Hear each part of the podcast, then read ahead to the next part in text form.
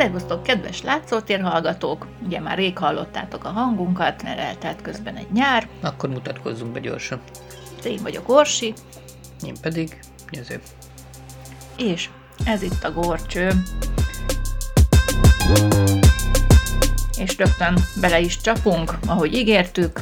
A német filmrendezőket folytatjuk, amit hát egy évig most pihentettük őket. Mert hogy kicsit sokat bakancsoltunk az utóbbi időszakban. Most Igen. is volna ugyan miről bakancsolni, de gondoltuk egy kicsit mégiscsak térjünk vissza a mozivászon elé, úgyis jönnek a szürke őszi napok. És elővehetjük a, leporolhatjuk a filmtekercseket. Bár mondjuk akkor lehetne jól emlékezni a nyári kirándulásokra is, de Talán csinálunk majd olyan műsort is, meglátjuk. Minden esetre most ehhez volt inkább affinitásunk, meg kedvünk, hogy a méltatlanul elfeledett vagy feledésbe merült filmeket megint egy kicsit elővegyük, mert olyan rég beszéltünk már ezekről. nem beszéltünk néma filmekről, ez olyan kicsit érdekes. Igen, elakadt a szavunk egy éven keresztül, és most egy nagyon, hát egy vidámabb vizekre fogunk evezni, mert hogy végjátéki filmrendezőről fogunk beszélni, aki elsősorban a végjátékairól vált híressé, de azért volt neki komolyabb témája is természetesen.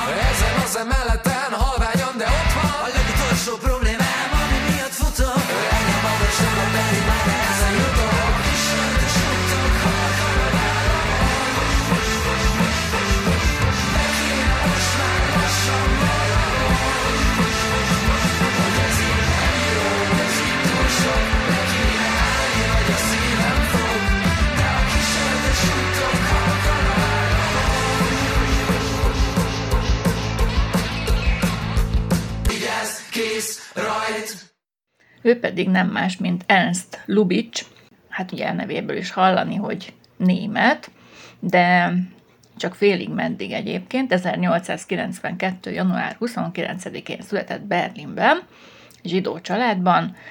Mm, Apja Simon Lubitsch volt, szabómester, aki viszont az orosz birodalomban látta meg a napvilágot, és onnan vándorolt Németországba. Grodnóból, ami ma Fehér Oroszország vagy Belarus. Az édesanyja viszont német származású volt. Hát a kis Ernst már fiatalon vonzódott a színpadhoz, középiskolában játszott a színjátszókörben, és hát valószínű ő lehetett az osztálybohóca, így a filmjeit elnézve. Hát igen, már eleve az arca is egy ilyen latabárszerű, ilyen markáns, komikus arc. Nem jobb hasonlatot mondani rá, mint hogy latabárszerű. Igen. A tanulás viszont valószínűleg nem nagyon érdekelte, mert 16 évesen abba hagyta a középiskolát, hogy most kibukott, vagy ő döntött úgy, hogy, vagy a tanárok döntöttek úgy, hogy abba kell hagynia.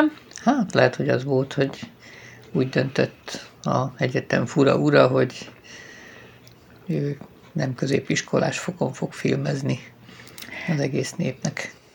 Mindenesetre hát így érdekesen kezdődött a karrierje, mert hogy sosem érettségizett le, de mégis elég sokra vitte. Hát lássuk, hogy hogyan. Az apja persze dühös volt, hogy, hogy nem érettségizik le, és állítólag a fáma szerint beadta egy textilgyárba inaskodni, mert hát érettségi nélkül ugye csak uh-huh. a munkás, ezeket a alantasabb munkákat tudta Hát hivatalra nem volt úgymond Alkalmas, esélye, hanem igen. inkább kétkezi munkára. Hát kétkezi munkásnak volt alkalmas így.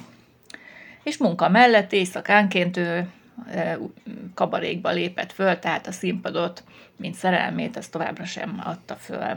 És az álmait nem adta föl, és ez volt a lényeg. 1911-ben a már ugye nekünk ismerősen csengő Max Reinhardt vezette Deutsches Theaterhez ö, szerződött, és ott kezdett el játszani Berlinben, és hát ugye ez onnan ismerősen csenghet nekünk, hogy már Paul Wegenerrel és Murnauval kapcsolatban is felmerült ez a Reinhardt és a, az ő hát alternatív színháza, vagy szecessziós színháza, ami nagyon újszerűen mutatott be darabokat akkoriban, és rengeteg neves színész, színésznő és rendező került ki, onnan nevelődött ki ebben a színházban Németországban. Úgyhogy ez egy ilyen kis műhely szerű volt ott Berlinben, és Bécsben is egyébként, tehát Bécsben is volt egy hasonló. Fiók színház. Igen, igen, így van.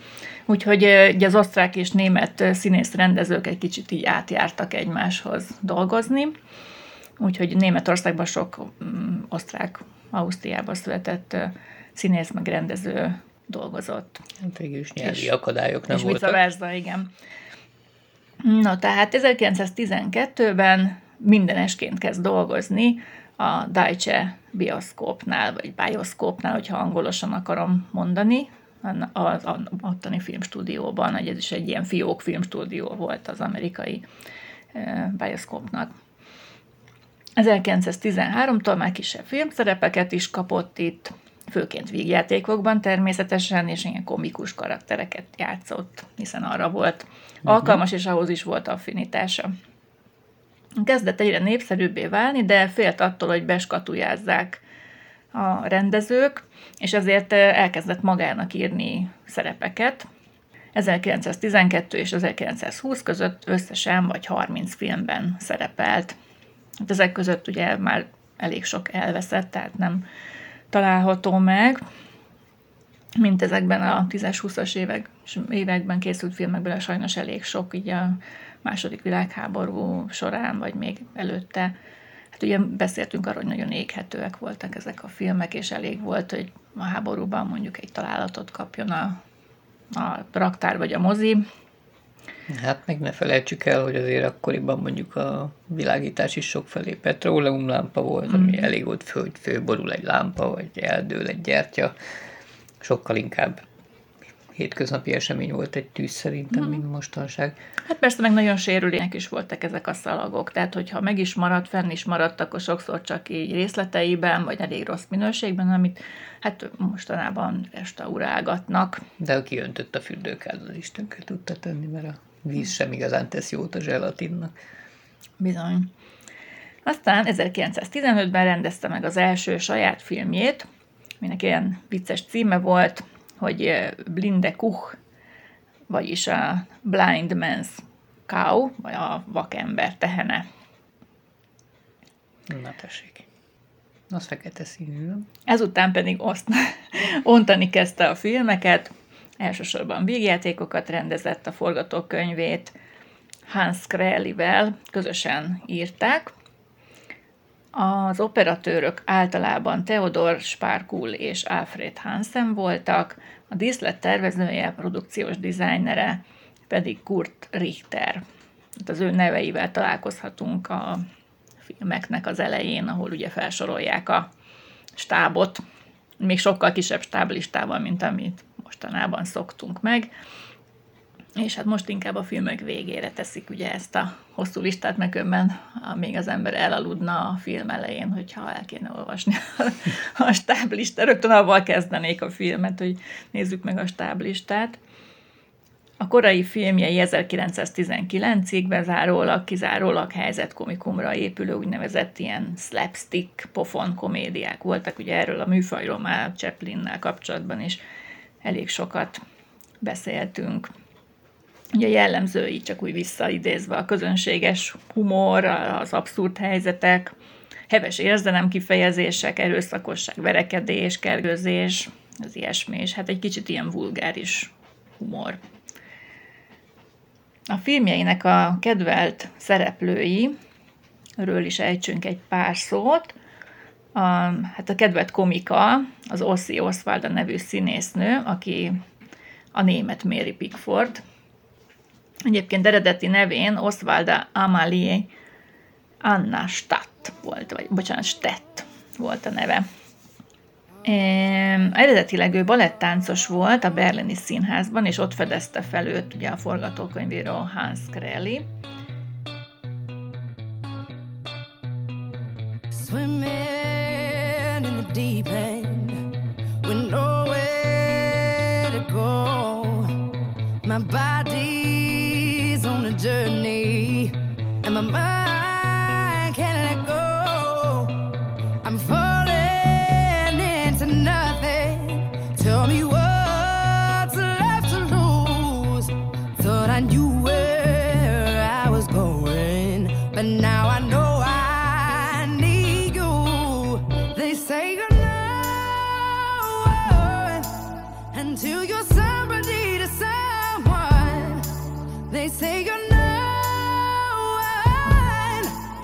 someone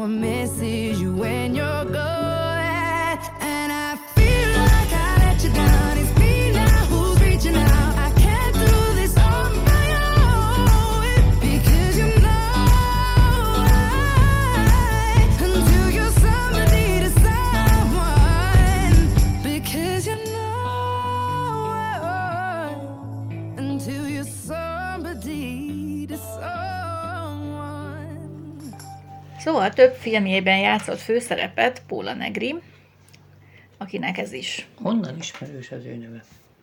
Hát, onnan, hogy már láttunk tőle filmet, amiben ő játszotta a főszerepet, de mindjárt ki is derítjük. Szóval ez is egy művésznév, az eredeti nevén Apollónia, ö, hogy is mondják ezt a nagyon fura neve van, Haupiec. Kaupiec. Haupiec. Ez, ő egy lengyel származású, illetve édesanyja lengyel nemesi származású volt, az édesapja meg állítólag szlovák cigány származású. És miután az édesapját Szibériába száműzték az orosz birodalomban, egy cárellenes összeesküvés miatt, ugye már a cárok is előszeretettel alkalmazták Szibériát, mint száműzetési helyszínt, Azután a család elköltözött onnan, vagy hát kénytelen volt más vidékekre költözni, ezért így kerültek ők Németországba. Hát a, a kis Apollónia táncosnőként, eh, táncosnőnek tanult, ahhoz volt tehetsége, meg a színészethez, mint kiderült, mert hogy őt is Lubitsch tette híressé, később a Madame Dubari című filmjének a főszerepével, és utána költözött a színésznő Hollywoodba, tehát ő egy hollywoodi színésznő, onnan lehet ismerős többeknek, uh-huh. hogy hollywoodi filmekben szerepelt, és többek közt onnan is, hogy Chaplin viharos szerelmi viszonyt folytatott vele. Ez az, akkor itt nagy Chaplines adásokból volt ismerős. Mhm, Uh-huh. uh-huh. Egyébként Rudolf Valentinónak a másik sztár férfinak volt a jegyese, és Valentino halála után hát ő volt a kvázi özvegye, tehát ő játszotta az özvegyi szerepet. Állítólag nem túl szimpatikusan. És a hangos filmes korszak vetett véget a karrierjének, legalábbis Amerikában, Hollywoodban, mivel hogy elég erős lengyel akcentussal beszélt. Tehát nem beszélt jól angolul, ezért vissza kellett költöznie Németországba, ahol aztán Hitler karolta föl, illetve hát ugye Goebbels, és akkor adta propaganda filmekbe, illetve a Hitlert meg a nácizmust dicsőítő filmekbe játszott. Szóval aztán kiderítették, hogy vannak, vannak neki zsidó felmenői is. Ugye hát a Hitler Németországában mik, mik ki nem derülnek, egyébként soha nem tudta volna meg. De Hitler adott volna neki felmentést állítólag a, a deportálás alól, de ő nem kért belőle, inkább visszaköltözött Hollywoodba. És akkor ott kapott még kisebb szerepeket, jelentéktelenebb szerepeket, és végül is ott hunyt el. Úgyhogy elég kalandos életű és elég különleges megjelenésű színésznő volt. Hát mi most itt a Néma filmjeiről beszélünk, úgyhogy fogalmam sincs, hogy milyen akcentusa volt, és egyetem milyen hangszíne volt neki. Ezért is nehéz érteni, hogy miért volt hátrány ez. Uh-huh. Egyébként tényleg egy nagyon különleges és szép nő a Paula Negri. És hát beszéljünk azért a férfiakról is, tehát férfi főszerepek ugye saját magának osztott elsősorban a, a kezdeti filmjeiben, de amikor nem saját magának, akkor például Emil Jenningsnek, vagy Janningsnak, hogyha németesen akarjuk mondani, de ő igazából félig amerikai volt, úgyhogy én ezért használom a Jennings-et. Tehát itt a, a németek amerikaiak, az amerikaiak németek. igen, igen, igen. A lengyelek oroszok és az oroszok meg. Hát itt ezek nagyon-nagyon Hát ilyen multi, multi, multikulturális, multinacionális a, ez a színész társadalom, mert ő Jennings például Svájcba született eredetileg, de az anyukája szintén az orosz birodalomból emigrált ki Svájcba, és amerikai volt az apuci.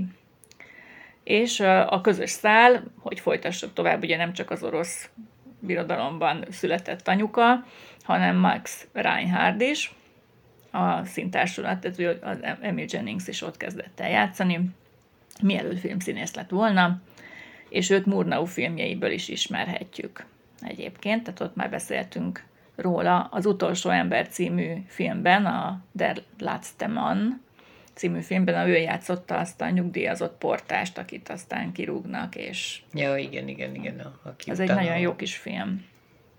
Ő néma film az is. Egy, ezen kívül láthat, láthatjuk őt Otellóként, Tartufként is, és a Faustban az ördögöt is ő játszotta. Úgyhogy ő egy elég karakteres szerepeket kapott, nem mindig pozitív értelmű szerepeket, és ezeket nagyon-nagyon jól játszotta egyébként. Most is fogjuk majd őt, fogunk róla majd beszélni az ő szerepéről. És ő is Hollywoodba csinált karriert egyébként, és rögtön az első Oscar díj átadó gálán két filmjéért is ő kapta meg a legjobb férfi főszereplőnek járó szobrocskát. Tehát ilyen szempontból is megjegyezhető a neve, hogy ő volt az első férfi főszereplő, aki szobrot érdemelt. Rögtön két filmjével is, 1929-ben. Az egyik film volt a The Way of All Flesh, vagy hát ezt most hogy fordítsam magyarul, tehát a minden húsnak, vagy minden testnek az útja. De ez a film sajnos elveszett, tehát az Oscar díj meg a szobrocska az ki van állítva a Németországban, de de hogy a film már nincs meg, tehát nem, nem láthatjuk, nem tudjuk, hogy, hogy miért mi, Igen, sajnos ez nem elveszett ez a film. És a másik film az viszont megvan, a The Last Command, a Utolsó parancs, amit ö, ö, magyarra úgy fordítottak le, hogy a hontalan hős. Tudjuk, hogy a filmcímekben egy kis szabadsággal szoktak élni. És ö, na szóval ez, ez viszont meg lehet nézni. De most nem erről fogunk beszélni. A hangos filmek időszakában hát őt sem foglalkoztatta tovább az amerikai filmipar, mert neki meg német volt az akcentusa, egy, pedig hiába volt apukája amerikai, ezek szerint mégsem tanult meg jól angolul tőle, vagy nem tudom, szóval Hát vagy a anyukája ugye német lévén tőle hallotta inkább a Mhm. anyanyelvi alapokat, és akkor egy kicsit... és ott nőtt föl, ugye. De egyébként még nem értem, mert. Amerikában tipikusan nem szokta zavarni az embereket a ilyen-olyan-olyan akcentus. Hát igen, és amíg ugye néma film volt, addig erre nem volt szükség, de amint bejött a hang is a filmekhez, nem kellettek az ilyen színészek, hiába volt hatalmas színészi tehetség. Szóval ő is visszatért Németországba, ahol Marlene Dietrich partnereként láthatjuk a Kék Angyalban, tehát ott kapott szerepet 1930-ban. Viszont amikor ugye Hitler hatalomra került, Marlene nével ellentétben ő a nácik kiszolgálását választotta a film szerepeivel, emiatt a második világháborút követően már nem kapott munkát. Úgyhogy 45-ben vissza is vonult a, a szerepléstől, tehát se színházba, se filmbe nem játszott már, és aztán 1950-ben Ausztriában halt meg. Sixteen and I still had a heartbreak. Ran wild dance, hard no worry. Little and didn't mean that much to me. Nineteen, just a tiny bit older. Bad body trying to get a cold shoulder. Poor baby didn't mean that much to me. All that I know is you weren't there for me.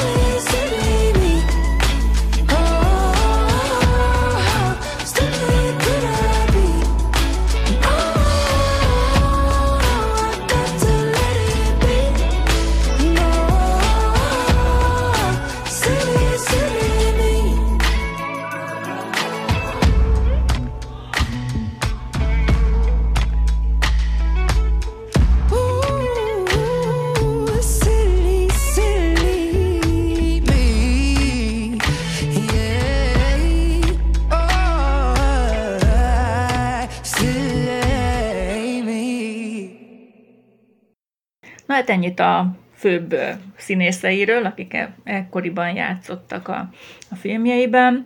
Tehát ez az 1916-tól 19-ig, 20-ig tartó időszak nagyjából. Ez az első korszaka. És hát nézzük is az első filmet, amit ő rendezett, és ő is írt. És a, még a főszerepet is ő alakította benne. All in, mondaná Gyuri bácsi. Hát mert így kell indulni, nem? Hát akkor most minden főbb feladatot magára Hát hatékonyabb, kiosztott. hatékonyabb Na. költségvetési szempontból. Így van. 1916-ban a Hol van a kincsem? Ist mein Schatz? E, Vagy a másik címe az Ol, mi? Olcich tot war, amikor halott voltam. És hát azért van két címe, mert az első volt ez az, amikor halott voltam, ezt meg kellett változtatni, mert ugye a nem tudom, szóval így a cenzúra beleszólt, hogy a gyerekek így nem nézhetik meg ezt a filmet ilyen címmel. Ja, korhatáros lett, ráütötték volna a 18 pluszos karikát, mert Szóval, a, nem tudom, állítólag a címét emiatt kellett megváltoztatni. Hát ez egy jó kis komédia, a, egy házas párról és a, a, az anyósról szól, tehát ez egy ilyen háromszög. A férjet maga Lubitsch alakítja, és a filmben is Ernstnek hívják a férjet, meg is lepődtem volna, az anyóst játsza. és hát egy fiatal pár, ugye, és az anyós együtt él egy lakásba velük. Hát ez ugye már okozza a problémákat, igen.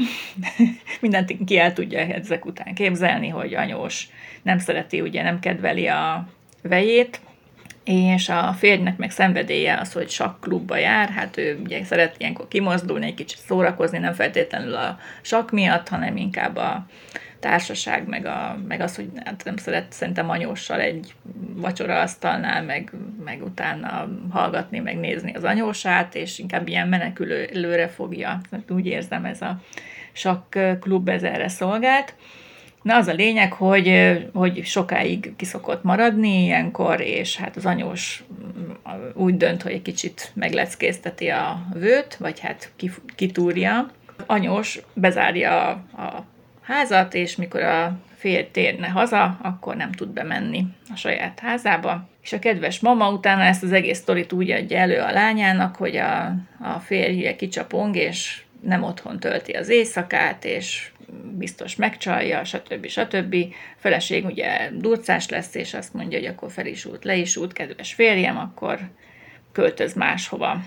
Hát, ugye szegény férjet egy darabig búsul, de aztán elkezd ugye hát valami munkát kell találnia, elkezd újsághirdetést olvasni, és akkor látja, hogy pont Inast keresnek abban a házban, ahol, ahol ő volt az úr eddig. És, és akkor fölcsap Inasnak, persze elváltoztatja a külsejét, és senki nem ismeri föl, se a szolgák, se a kedves anyós, se a Túl nem felesége. találkozott a feleségével, biztos. Na hát az a lényeg, hogy, hogy anyósnak nagyon megtetszik ő, mint, mint férfi, és hát anyós ugye próbál már másik férjet találni a lányának is, aki egy darabig húzódozik, de hát aztán ugye beadja a derekát, mert nem mer ellent mondani ő se az erőszakos anyukájának. És a személyzet női tagjai meg flörtölni kezdenek ugye a- az új inassal, sőt, még ugye az anyós is elkezd vele flörtölni, addig-addig, míg eh, hát kénytelen már fölfedni magát, mert már olyan erőszakos az anyós, hogy muszáj fölfedni magát, hogy hát én igazából a Csaukolom anyukám. vőd, vőd lennék, akiről azt hiszik, hogy ugye meghalt, mert ő írt egy búcsúlevelet, mielőtt elment otthonról, hogy most akkor vége a világnak számára, és akkor ő most megy meghalni. És azt gondolják, hogy ő valóban ezt el is követte, ezt az öngyilkosságot, bár a holttestet nem találták meg, szóval... mindegy. Hazajáró lélek. Ez egy kis apró baki, hogy nem volt holtest, de hát ez a lényeg, hogy, hogy aztán haza, hazaérve az anyós ugye könyörög neki, hogy hát nehogy elárulja már, hogy milyen szégyenbe került ő, hogy hogyan viselkedett, és akkor megígéri neki, hogy jó anyuka, nem beszélek erről a megszégyenülésről, viszont akkor lehet költözködni és hát így megszégyenülve anyós el is költözik a házból, a férj pedig felfedi magát ugye a személyzetnek is, akik jót nevetnek, és a filmnek a vége sajnos hiányzik, mint kiderült, ez ugye ezt a, ezt a részt nem találták meg, lehet, hogy az utolsó, tekercs utolsó képkockái Ott kapott lángra is. Itt, Tehát nem tudjuk meg, hogy, hogy vajon a férj meg a feleség hogyan talál aztán egymásra a végén, tehát ez az utolsó jelenetek nem volt, nem nincsenek meg. Hát igazából ez egy klasszikus bohózat, és mai szemmel nézve is egyébként elég jókat lehet rajta nevetni. Maga Lubitsch 1947-ben azt nyilatkozta erről az első komolyabb főszerepéről és a filmről magáról, hogy mint minden komikus, én is komoly főszerepet akartam játszani, egyfajta bon vivant. Ez a film teljes kudarc volt, mert a közönség nem fogadott el ebben a szerepben, tehát ő kudarcként értékelte, bár szerették egyébként a filmet, és, és ez egy jó kis film, de ő nem volt vele elégedett, mert többet várt volna ettől az egésztől. Hát ez valamit elmond azért a jelleméről a Lubicsnak.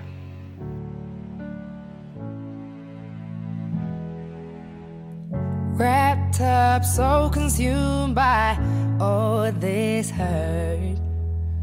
If you ask me, don't know where to start. Anger, love, confusion, roads that go nowhere. I know there's somewhere better, cause you always take me there. Came to you with a broken faith, gave me more than a hand to hold. Caught before I hit the ground. Tell me I'm safe, you've got me now. Who would you take the wheel? If I lose control, if I'm lying here, you take me home?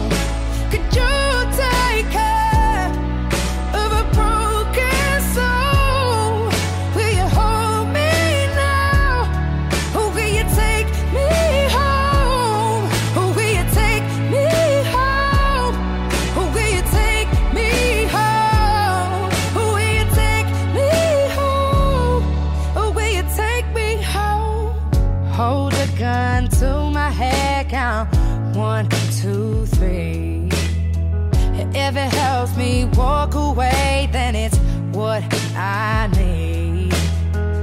Every minute gets easier the more you talk to me. You rationalize my darkest thoughts, yeah, you set them free. Came to you with a broken faith, gave me more than a hand to hold.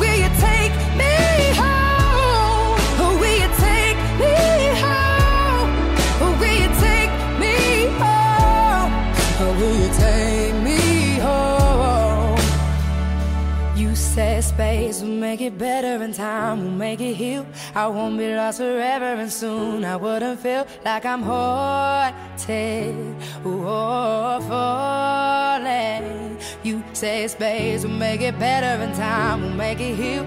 I won't be lost forever and soon I wouldn't feel like I'm haunted or falling.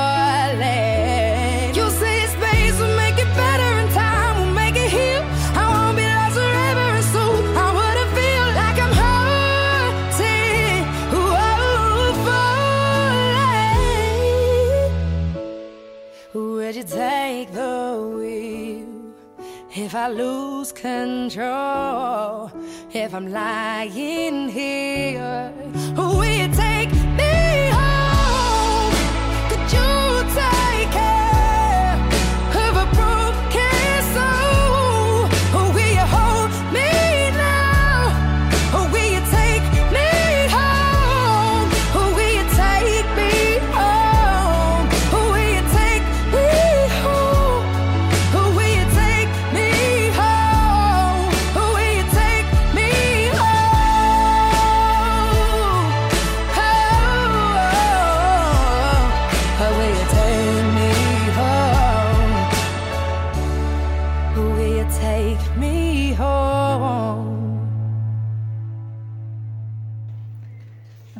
menjünk tovább, még maradjunk ugye 16-ban, de a filmek sorában menjünk tovább. A Súpalaszt Pinkus jönne. Pinkus cipő birodalma, vagy a magyarul is fordították. Úgy is ol- olvastam ilyen fordítást, hogy a hab, Habra cipőáruház. Nem, bocsánat, nem. Hebra. Habra jobban hangzott. Hebra cipőáruház, gondolom a Héber szóból, mert hogy zsidó árusról szól. Um, a film a Szelli sorozatnak az első része, amelyben Lubics Szelli Pinkuszt egy zsidó fiút alakít, aki lusta, bohózkodik az iskolában, de népszerű a lányok körében, és akiknek teszi a szépet. Aztán egyszer puskázik az iskolában, és a tanár megelégeli, a késéseit, a puskázásait, és a, egyáltalán a viselkedését, ahogy az órákon viselkedik, és azt mondja neki, hogy akkor lehet elmenni, és Hát, hogy nem kirúgják vizsgázhat le. nem vizsgázhat, így van. Tehát ugye nem mehet az érettségire, hát ez ugye ismerős a Lubicsnak a élettörténetéből, tehát valahonnan azért merített. De hát Pinkus feltalálja magát természetesen, bár a szülei nagyon kétségbe vannak esve, ő azt mondja, hogy se baj, érettségim ugyan nincsen, hát milyen munkát tudok elvállalni, hát lesz cipőárus. És hát ugye nem véletlenül választja a cipőárusságot, mert megtetszik neki egy kis cipőárus kislány, És hát szereti csapni a szelet a így van. hölgyeknek. Ezért felcsap cipőárusnak, de hát nem nagyon fűlik a foga ehhez a munkához, mert ki kell szolgálni a olyan urakat is, akiknek ugye le kell húzni a lábáról a használt cipőjüket, és hát a lukas büdös zokniukat kell közbe szagolgatni. Igen. Pont olyan, mint amit bakancsnaplót adtunk volna elő, még jó, hogy a rádióban nem érezni a lábszat. Így van. Hát mi a, a filmek nem éreztük, de biztos büdi volt az okni, és, és igazából csak a kislány miatt vállalta el ezt a munkát, de hát a főnöknek az se tetszett természetesen, Hát hogy nyilván, mert az ügyfelet azt nem szabad így megszólni, úgyhogy kipenderítette. így van, aztán keresett magának egy másik munkát, szintén cipőárusnak, de már föladta, ugye úgy a álláshirdetését ő adta föl, hogy akkor ő most olyan munkát keresne, ahol, ahol ugye egy meg- megbecsült állást keres, ahol az ő képességeinek megfelelően csak elegáns urakat szolgál ki. És cipő árusító gyakorlattal. Igen, Ez, igen. Hát mondjuk egy napot volt a másik Igen, a boltban. gyakorlat az mondjuk egy napot jelentett, de hát azt ugye nem írta le, hogy mekkora gyakorlata van, az a lényeg, hogy volt gyakorlata. Tehát egy nagyon élelmes eh, fiú ez a Pinkus, föl is veszik, aztán egy ilyen cipőáruházba, ahol természetesen nagy a sürgés, forgás, hát ott is próbálja kerülni a munkát, amennyire csak lehet, és aztán megtetszik neki az egyik vevő, egy elegáns hölgy, akinek aztán ő akarja kiszállítani a megvásárolt cipőjét, hiszen őt szívesen szolgálta ki, tehát nőket már szívesen szolgál ki, hát ugye Jó, hát egész, egész más, amikor... igényes fiatalember. Így van. és akkor sikerül nagy csellel elérnie, hogy ő szállítsa ki, és ne a főnök a cipőt, ugye megküzd a főn, saját Hát főnökével. a főnök viszi ki először, csak amikor megtudja a Pinkusz, hogy a főnök fogja kivinni a cipőt, akkor kicseréli valami bótvar lábbelire a szép kis tip-top topánkát, és hát a főnök fölsül a szép lánynál a cipővel, uh-huh. és akkor ő megy korrigálni, és viszi a uh-huh. már jó cipőt, és akkor természetesen hát, jóval lesznek. Igen, egy természetesen rögtön e, szimpatikus lesz a, a hölgynek, hogy ő ennyire rámenős, és hogy ennyire jó érzéke van az üzlethez, és akkor fel is ajánlja neki, hogy miért nem, miért nem nyit egy saját cipőboltot ezek után. És akkor hm, nem ilyen jó ötlet, csak hát pénzem nincs hozzá.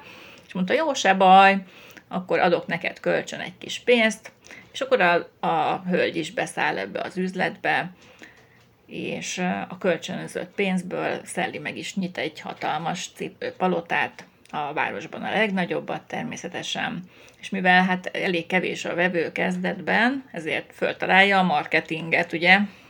ami egyébként tényleg ebben az időszakban találódik föl a világban, tehát, tehát ilyen szempontból korszerű a film. Igen, tehát elmegy szín, színházakba, és ott a, a színésznőknek ajándékba ad elegáns cipőket, meg táncos nőknek, Majd akik ugye... Adás, előadás végén pedig ugye ott bekiabál a nézőtérre, hogy a cipők hol kaphatók. Igen, tehát csinál egy kis önreklámot, és csinál egy kis reklámot a, a, annak is, hogy egy ilyen cipődivat bemutatót szervez az üzletben, és akkor ezt meg is csinálják, és ezt is ugye reklámozza, hát tudja, hogy hol kell reklámozni, ugye nem plakátol, hanem, de plakátokat is csinál, de ugye ezt ilyen olyan helyekre teszik ki, ahol az elegáns közönség meg szokott fordulni. Hát igen, ez a célzott hirdetés.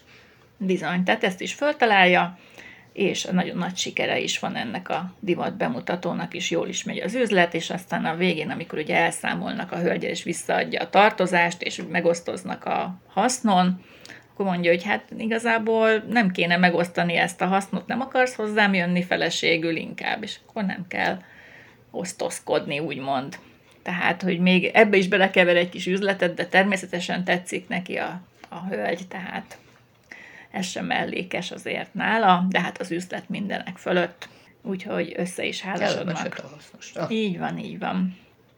Hát ugye a tipikus zsidó kereskedőt mutat be a filmben, és hát nem lehet nem észrevenni, hogy a saját fiatalkori ényét figurázza ki a, a filmben, meg a zsidó kereskedőket úgy általában, hiszen ezt a világot is elég jól ismeri a, az apukáján keresztül.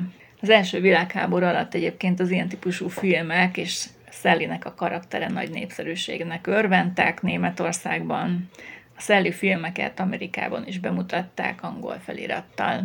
És ebben a filmben tűnt fel először Ossi Oswald, akiről az előbb beszéltem, ő volt a cipőárusnak a lánya, aki, aki nagyon megtetszett, és aki miatt cipőárus lett. Na, a következő film az 1917-ben készült, a Das Fidele Gefängnis, kedélyes fogház, vagy a The Happy Prison, ahogy angolra fordították. A film Julius Roderick Benedixnek a Das Gefängnis, a Börtön című színdarabja alapján készült. Az érdekesség, hogy ifjabb Johann Strauss már feldolgozta ezt a színdarabot a Denevér című operettjében 1874-ben. A neveket és a sztorit némiképp átírták. Ugye az operetben Eisenstein báró volt a főszereplő, a filmben Reitzenstein. Steinstein. Igen, a bátadó herceg az a operetben Orlovski, itt pedig, hú, ezt ki kell mondanom, Zbrov, Zbroshovski Az, volt. Egészséges. Tehát itt most direkt ilyen, ilyen Ez idétlen nevet választottak. volt előző életében. Igen. Tehát ilyen nagyon idétlen nevet választottak.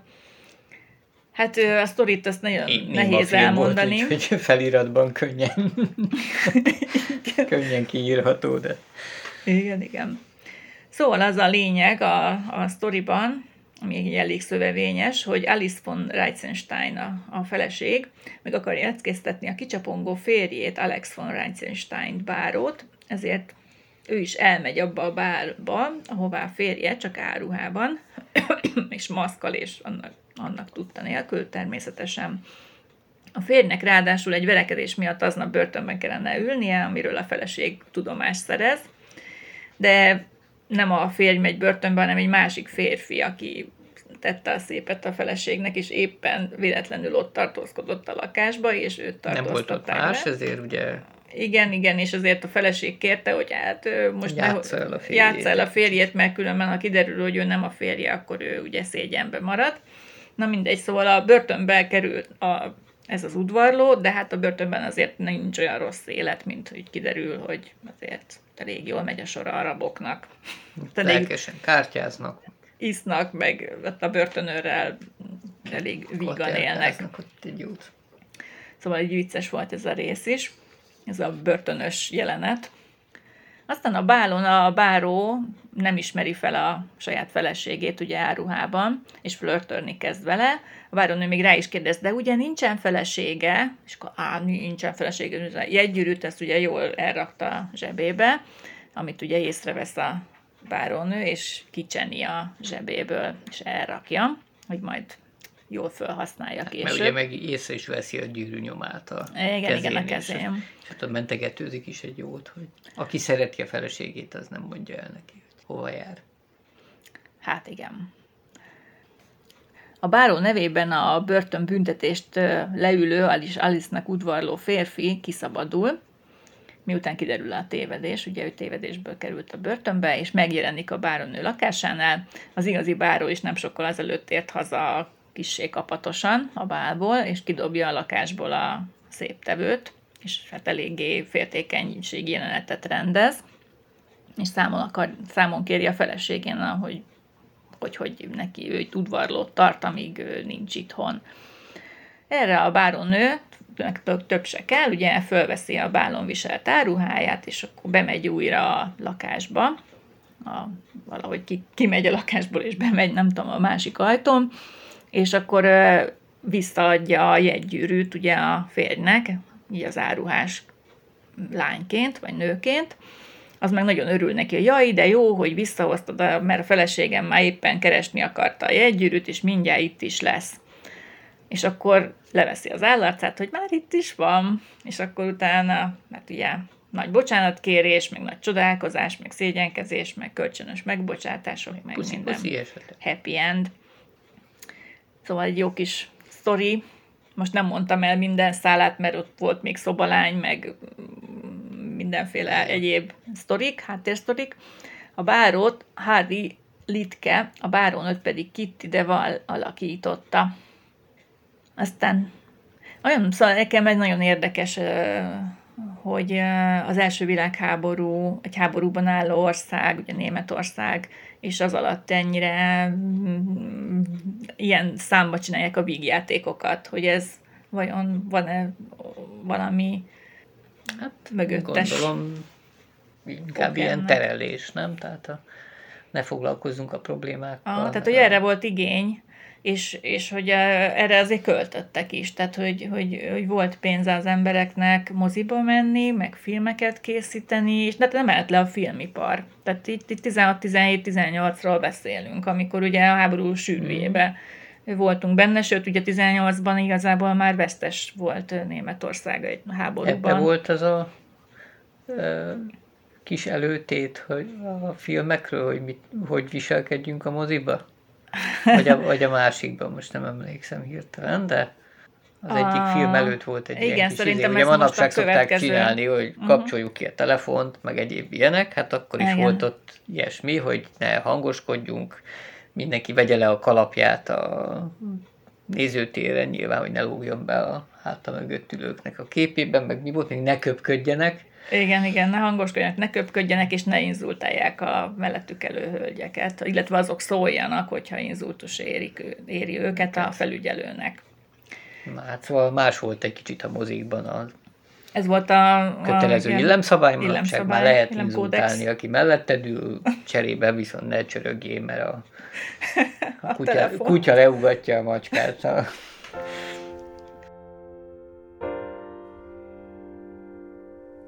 I know it's bad for me, but it's what I crave. And I'm not proud of it. Wish I could change. See, I keep falling in and out of the same mistake. Hey. When you keep throwing me out and taking me back again. What do you do when love is not enough? With every touch, it hits you like a drug. What do you do when love is not enough? You hold on when you know you should give up. Cause not strong enough to say goodbye tonight. So give me one more kiss, even if this ain't right. No, you're not good for me. Oh, you're not safe. But that's what's tempting me. In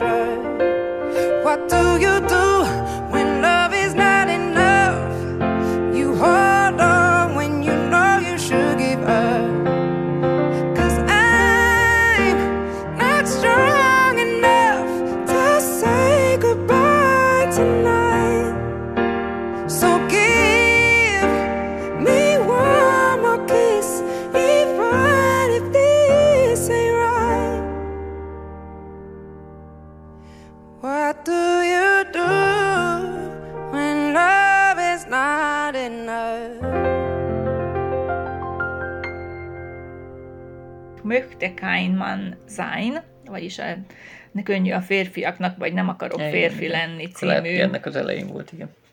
ennek a, ennek a filmnek az elején volt, ez 18-ban készült.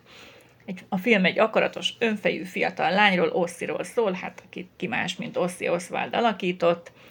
A nagybátyja neveli, de sem ő, sem a mellé fogadott szigorú nevelőnő hát nem bír vele. Cigizik, kártyázik, flörtöl a férfiakkal, stb. Tehát mindent csinál, amit egy fiatal lánynak nem, Nem nem illik. illendő. A nagybátyjának egyszer csak üzleti ügyben messzire kell utaznia, aminek ő örömmel tesz eleget, mert végre megszabadul a unokahúgtól, aki azért eléggé nyűgös neki. Oszi szintén örül, hogy végre elmegy a nagybácsi, és hát egyedül marad a nevelőnővel, aki nem igazán oszt szorol Hát kicsit számára poroszos fajta. aki egy poroszos nevelőnő, igen. De hát hiába örül, mert a bácsikája a távoléte idejére gondoskodott arról, hogy egy még szigorúbb nevelőnő, nevelő érkezzen a házhoz, ugye nevelő, mert egy férfi, dr. Kersten személyében. Dr. Kersten egyébként egy fiatal, jóképű férfi, de teljesen immunis a lánynak a kihívó viselkedésére, és az a határozott szándéka, hogy ráncba szedi a neveletlen fruskát. Hát Oszi fellázad, és úgy dönt, hogy férfinak fog öltözni, meg férfiként fog viselkedni, mert ugye a fiúknak minden sokkal könnyebb, nekik mindent megengednek, mindent szabad nekik. Hát így ilyen teljesen maga alá kerül, és azt mondja, hogy most frakot fog viselni, meg cilindert, fölvesz egy ilyen rövid parókát, és elmegy szórakozni. Ugye ott már rögtön szembesül a villamoson, hogy hát azért annyira nem, annyi, nem mind- mindenben jó a férfiaknak, Ugye például át kellene adni a helyét ugye egy nőnek, aki nem tud leülni, amiatt, hogy ő ott ücsörög a villamoson. És hát ugye ilyenkor meg, ha meg föláll, akkor meg rálépnek a lábára. Mert Meg ugye lögdösik, meg lögdösik. egyébként rohadt nehéz volt megkötni a nyakkendőt. meg beszólnak neki, ugye nők mindig tisztelettel beszélnek ő neki, meg ott simán beszólnak, mint férfi. Hát igen. Aztán a bálra érve összebarátkozik dr. Kerstennel, mert ugye mind a, a dr. Kersten is akar egy nőnek udvarolni, aztán Hát igen, ugye karót nyelt, morcos erkölcs csőszként viselkedik, ugye odahaza, itt meg itt meg igen, egész más arcát mutatja. haverok bulifanta.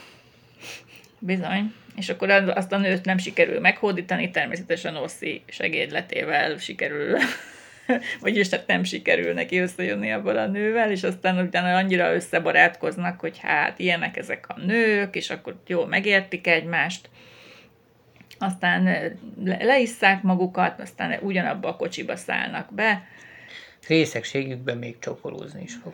hát igen, csok, még öt Úgyhogy lehet, hogy ez a film történet egymást. első férfiak közötti csókjai között Hát. volt. Lehet.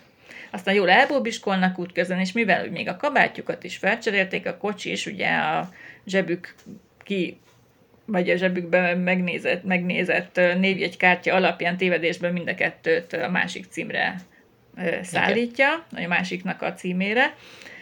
Aztán úgy ott ébrednek föl a másiknak a hálószobájában másnap reggel, Oszi gyorsan haza is siet, és összefut a, éppen az ő szobájából távozó dr. Kerstennel, aki azt hazudja neki, hogy hát, és, ja, és Oszi azt hazudja a dr. Kerstennek, hogy az unokatestvéréhez Osszihoz jött látogatóba, ezért gyorsan ő fölmegy a saját szobájába. A nevelő pedig ugye találkozik a nevelőnővel, és ugye, hogy ne maradjon szégyenbe, hogy mit keres ő ott, ilyenkor ezért azt mondja, hogy ő, ő ébreszteni jött az Osszit igazából, ilyen korán, és azért vissza, visszamegy ugye a szobába, hogy hát mintha fölébresztené az Osztit, aki egyébként nem volt benne a szobába természetesen, és nagyon meglepődik, amikor egyszer csak ott találkozik az Osszival a szobában, aki még félig frakba van, félig már ugye leszette a parókát a fejéről. És akkor derül ki, hogy hát ő volt az, akivel ott jó összehaverkodtak az éjjel, és hát ugye ott egy kicsit szégyenbe maradt a tanár úr, a nevelőnő, és de hát ezt gyorsan megoldják a problémát, hogy igazából fájtlat az egészre, és akkor Hát igen, mert mind a kettőnek kínos a mind a kettőnek történet. kínos, és aztán csókjelenettel zárul a sztori, hogy hát igazából ők közben egymásba habarodtak. A mi adásunk is lassan zárul. Így van. Annyit még azért elárulok, hogy az Oszi partnerét Kurt Götz alakította, aki alapvetően egy színdarabíró rendező volt, de időnként játszott is a filmekben. Úgyhogy ennyi fért a mai adásunkba, és legközelebb folytatjuk A lubicskolást. a lubickolásunkat. Úgyhogy jó éjszakát, sziasztok! Sziasztok!